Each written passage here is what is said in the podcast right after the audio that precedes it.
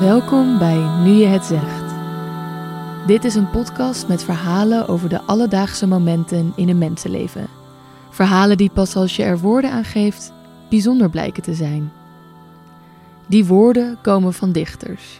Onze gasten vertellen hun verhaal aan de hand van een gedicht dat ooit werd voorgelezen op de Nacht van de Poëzie. Vandaag vertellen we je het verhaal over hoe een zin je soms kan raken, ook al snap je niet direct waarom. Het overkwam Christine Franke, die tijdens de 39e Nacht van de Poëzie een zin hoorde die ze maar niet uit haar hoofd kreeg. Ze zat daar in het publiek met haar man, met wie ze tien jaar samen is, en die ze op latere leeftijd per toeval ontmoette op een uitvoering van haar zangschool. Christine had namelijk op haar 51ste zangles genomen, iets wat ze veel eerder had kunnen doen. Maar ze dacht al die tijd dat ze niet kon zingen. Ja, dat, dat, dat had ik blijkbaar geïnternaliseerd, uh, dat idee. Op mijn 51ste heb ik dat eens even uitgetest. Dat had natuurlijk eerder gekund, maar of het inderdaad klopte. En ik blijk uh, te kunnen zingen. Na een tijdje privézangles genomen te hebben, vindt de zangdocent van Christine tijd voor een volgende stap: een uitvoering. En ik heb geprobeerd om daar natuurlijk volkomen onderuit te komen, want ik dacht dat ga ik helemaal niet doen. Het lijkt me echt doodeng. En nou ja, er was geen sprake van dat ik daar uh, niet aan mee zou doen. Dus ik, ik stond daar en ik moest voor mensen zingen, leerlingen. Dus hè, niet, eens zo heel eng. Ja, weet je, als je zo zenuwachtig bent, heb je niet meteen oog voor je omgeving. Maar ik had een paar uh, zinnen gezongen. En toen zag ik die man zitten met, met een, in een mooie helderblauw overhemd. Die, die gewoon geïnteresseerd en vriendelijk naar mij keek. En, en zei, ja, je moet wel naar je publiek kijken. En dat is natuurlijk ook zo. Als je zingt, moet je naar je publiek kijken. Dus, en vervolgens deed ik dat ook. Wat, wat vond je ervan dat hij dat zo zei? Ik vond het grappig. Ik vond het grappig, ja. Ja, en het hielp me ook. Ik werd er veel minder zenuwachtig van. Ik werd er kalmer van. Uh, ja, hij, hij had een kalmerende invloed op mij op dat moment. Na de uitvoering gaan alle leerlingen ergens wat eten. Christine komt te zitten tegenover de man in het blauwe overhemd. En toen bleek dat hij uh, Elst heel goed kende. En Elst is mijn geboortedorp. En hij heeft 40 jaar lang uh, is hij vrijwilliger geweest bij de uh, Vierdaagse, de Nijmeegse Vierdaagse. Dus ineens hadden we nog een, zeg maar, connectie. Ja, van het een kwam het ander eigenlijk. Dus toen raakten we in gesprek. En wat dacht je tijdens dat gesprek? Nou, niet, niet zo bar veel. Nee, nee, nee, niet zo bar veel. Nee, het was geen blikseminslag of zo. Of, uh... Maar je vond nee, het... ik vond hem aardig. Ja, ja, ja, ik vond hem aardig, ja. Christine peilt bij haar zangdocent of de man in het blauwe overhemd misschien geïnteresseerd is in poëzie. Ze heeft namelijk twee kaartjes voor de Nacht van de Poëzie en wil hem graag meenemen. Ze trekt haar stoute schoenen aan en stuurt hem een mail. Ja, kort hoor, volgens mij. Van of die zin had om mee te gaan naar de Nacht van de Poëzie. Toen reageerde hij niet super uh, enthousiast. Hij wil wel afspreken, maar vindt het iets te veel om meteen een hele nacht van de poëzie te spenderen met iemand die hij amper kent. Dus gaan Christine en de man in het blauwe overhemd naar de film. En toen uh, hebben we daarna wat gedronken. En, en toen hebben we gewoon ja, eigenlijk uren uh, gepraat. Ze komen erachter dat ze heel goed kunnen praten samen. Het punt was dat ik het idee had, terwijl we dat bespraken, alsof ik hem eigenlijk al heel lang kende. Ik kan het niet eens zo goed onder woorden brengen. Maar het, het, het is eigenlijk wat ik daarbij voelde toen dat gebeurde. En toen je die avond thuis kwam, dacht je, dit is hem? Nee, dat dacht ik niet. Nee, nee, dat dacht ik niet. Nee, nee, dat dacht ik niet. Nee, maar ik dacht wel, want hij mailde me ook de volgende dag, hè? Een hele enthousiaste mail. En dat vond ik hartstikke leuk. De eerste keer. De eerste keer ging ik met je mee naar je kamer. Daar zou het gebeuren. De laatste tram jankte door de bocht. De radio van de buren speelde onaardse jazz. Jij stak een stompje kaars aan in een fles. Zo ging het dus. Ik trok mijn schoenen uit, was in verwarring. Zou ik mans genoeg zijn die eerste keer? De eerste keer zweet ik als een otter. In zo'n worsteling, onbehouden en teder, bewoog mijn lichaam eerder niet. In het zoete bloed van onze stuk gebeten monden kwamen, zoals nooit meer later, lust en liefde samen.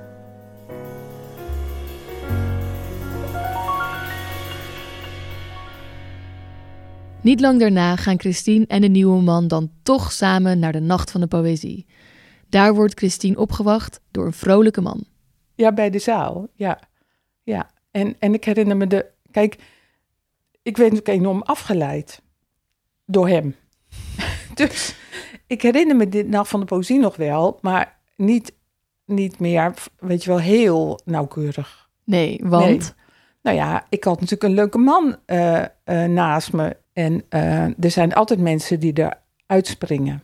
Hè, die, voor mij. Die, die gewoon, die ik ook dan, wel onthoud. En ook waar ik ook nog over nadenk achteraf. Kampert was er toen bijvoorbeeld. En dat was een heel mooi optreden. De eerste keer rookte we een sigaret toen het gebeurd was. Dat zag je doen in de Franse film. Ik morste as op mijn borst en snoof tersluiks aan mijn vinger, gedoopt in je geur. De eerste keer dat gevoel van ruimte die om mij vroeg. Hoe de wereld eindelijk. Ja, dat was eigenlijk het begin van onze relatie, ja. De wijdste zee bevaarbaar, de hoogste berg te beklimmen. Niets hielp me meer tegen. Het liefst ging ik meteen op weg. Maar eerst nog de tweede keer.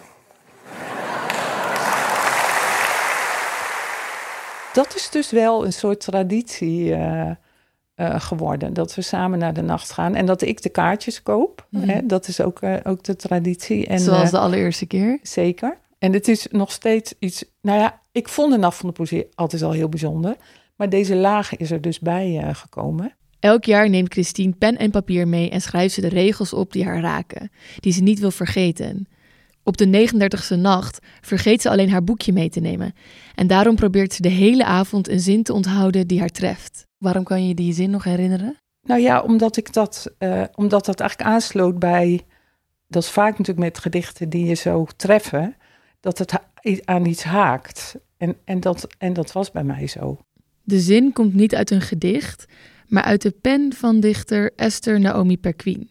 Zij is een van de presentatoren van de avond en kondigt Joke van Leeuwen aan.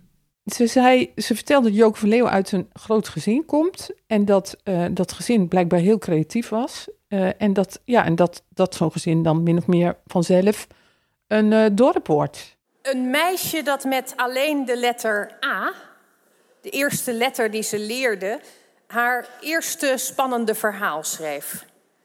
Ik moet er altijd weer aan denken als ik haar zie. Ze komt uit een groot gezin, zo'n gezin dat min of meer vanzelf een dorp wordt. Met een eigen orkest, een maandelijkse huiskrant en een toneelclub op zolder waar zij dan uiteraard de stukken voor schreef. Wat gebeurde er dan toen, toen je dat hoorde, die zin? Nou, het grappige is, als ik eraan terugdenk, is dat meestal die zin wordt geïnterpreteerd, denk ik, van binnen het gezin. Dus dat in dat gezin dan, dat gezin is dan groot en divers en, en, en, en het heeft dan gedeelde interesses, hè, muziek en toneelclub geloof ik, en, en een krant, hè, in het geval van Joke Verleeuwen. Terwijl ik bij mezelf merkte dat ik die zin eigenlijk anders opvatte, omdat ik het zelf een heel fijn idee vind. Um, nou, laat ik het zo zeggen, mijn vader is overleden toen ik tien was. En mijn moeder heeft mijn broer en mij eigenlijk daarna alleen uh, opgevoed. En wij hadden in onze omgeving gewoon wel uh, belangrijke mensen. Na de dood van Christine's vader neemt haar moeder een jaar de tijd om te rouwen. Daarna besluit ze om aan het werk te gaan. Het was een beetje alsof toen uh, eigenlijk alle deuren en ramen in dat huis uh, open gingen. Omdat zij een nieuwe werkkring kreeg, nieuwe collega's, nieuwe vrienden. En ik had daar gewoon heel veel aan ook. Dat waren hele leuke mensen. Ja, wij waren natuurlijk met z'n drieën. En dat gezin breidde zeg maar uit uh, op een hele levendige manier. Christine en haar broertje krijgen een vrouwelijke voogd. Een vriendin van hun moeder. Wat overigens heel bijzonder is voor die tijd. De kantonrechter ziet liever dat de kinderen een mannelijke voogd krijgen, omdat ze ook hun vader zijn verloren. ja, die gaf mij bijvoorbeeld boeken over kunst. Ik denk dat ik twaalf uh, geweest ben. En, en, en uh, literatuur. En die, ik moet zeggen dat hij mij ook aansprak. Uh, niet alsof ik volwassen was, maar wel alsof wij samen gewoon hele fijne, mooie gesprekken hadden. Dat verbreedde natuurlijk mijn wereld. Ik woon ook in een dorp, maar ook op die manier zat ik in een dorp. Dus ik, ik, heb, ik ben niet zeg maar, in een gewoon kerngezin, zoals dat heet, opgevoed of opgegroeid.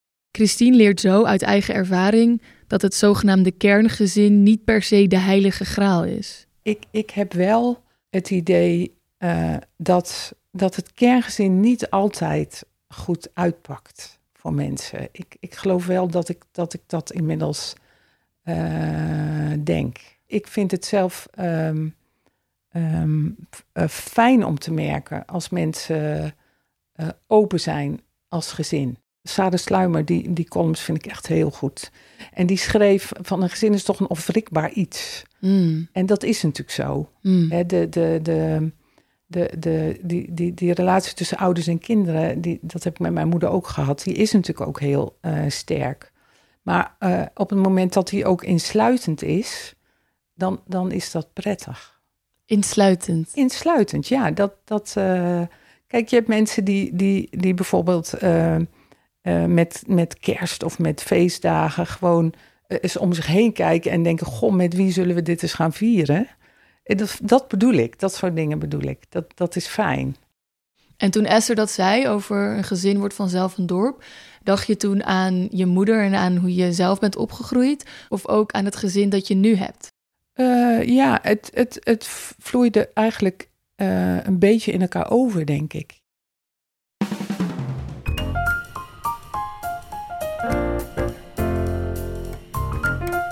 Zoals dat gaat als je de liefde op latere leeftijd tegenkomt, hebben Christine en haar man inmiddels een half dorp om zich heen verzameld. Haar man kreeg namelijk twee dochters met zijn vrouw die is overleden. En inmiddels hebben die dochters ook partners en kinderen gekregen. Dus, dus dat zijn nu negen mensen bij elkaar.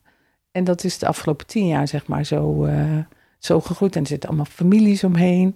Wat was dan de grootste uitdaging, denk je? Om dat bij elkaar allemaal uh, in goede harmonie te laten zijn? Nou, ik, ik heb zelf wel gedacht eh, dat het heel belangrijk is dat iedereen ruimte heeft. Als zoiets ontstaat, dan komen er eigenlijk twee gezinsculturen bij elkaar. En, en um, ik, ben, ik ben niet de moeder van, van zijn twee dochters. En um, ja, hoe moet ik het zeggen? Ik, ver, ik verscheen ineens op het toneel. Ja, zo, zo was het natuurlijk wel. Ja, dus, dus um, uh, vandaar dat je de tijd neemt en om dat, om dat uh, uh, op te bouwen. Het is heel veel tegelijk. Hè? Het, is, het is een geschenk. Het is ingewikkeld, want ik was jaren alleen geweest. Ik kon gewoon mijn goddelijke gang gaan. En, en ja, dat, dat had hele prettige kanten ook. Dus ja, ik, ik had en heb eigenlijk wel behoefte aan een eigen plek ook in dat geheel. Het stel besluit om zich niet te houden aan allerlei conventies over hoe een huwelijk eruit zou moeten zien. Daarom hebben Christine en haar man een lathuwelijk. Ja, ja, er zijn niet heel veel Nederlanders die dat kunnen zeggen, denk ik. Ja. En eh, was, wat was de reden waarom jullie dat wilden? Uh, hij woont heel prettig en ik woon ook heel prettig. En we zien elkaar best vaak. Dus uh, de combinatie is eigenlijk wel gewoon heel, heel prettig. Het dorp dat Christine en haar man de afgelopen tien jaar samen hebben gebouwd, met alle nieuwe gezinsleden erbij en wat is verdeeld over twee verschillende huizen, kent natuurlijk haar eigen uitdagingen. Bijvoorbeeld dat je niet op de automatische piloot uh, bijvoorbeeld de dingen doet. Want, ja. want als het om zoveel mensen gaat, dat, dat zijn ook heel veel verjaardagen, feesten, huwelijken. Dan is het wel, voor mij in ieder geval wel belangrijk om te bedenken van, oh, oké, okay, nou, hoe zullen we dat doen? En, en dan te bedenken, oké, okay, dat wel, dat niet. Wat, wat niet wegneemt dat ik natuurlijk af en toe ook teleurgesteld ben als ik zelf denk, oh, als ik ik heb natuurlijk ook verwachtingen en aannames. Zo van, oh ja, oh, dan gaan we dat zo doen. En, en, en dat heeft hij natuurlijk bij mij ook. Dan is het van, oh, oh, oké. Okay. Even niet. Ja, Ja, en dat is niet altijd makkelijk.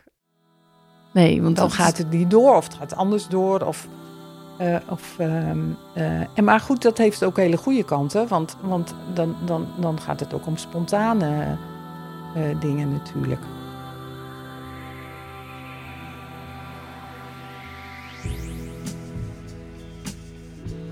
En wat is nou het goede aan het dorp? Ik denk dat het goede aan het dorp is, is dat je de verschillende mensen treft. Met verschillende geschiedenissen en verschillende perspectieven. En eh, eh, die, die elkaar kunnen beïnvloeden ook. Eh, maar niet bij elkaar intrekken. Of, of elkaar klem zetten. Of ontmoetingen. Ik denk dat, dat, ik, dat ik dat bedoel. Ja, ontmoetingen, ja. ja. En daarmee dus openstaan, blijven staan voor veranderingen. Ja, en vernieuwing. Mm. En verrassing. Ja, en verrassing ook. En ook verandering van mening ook. Van, van niet stollen, ja. Dat, Mm. dat bedoel ik, geloof ik.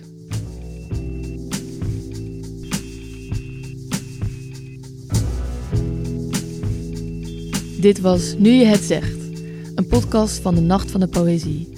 Mijn naam is Bianca Schrijver en ik deed de redactie, productie, montage en mixage voor deze aflevering.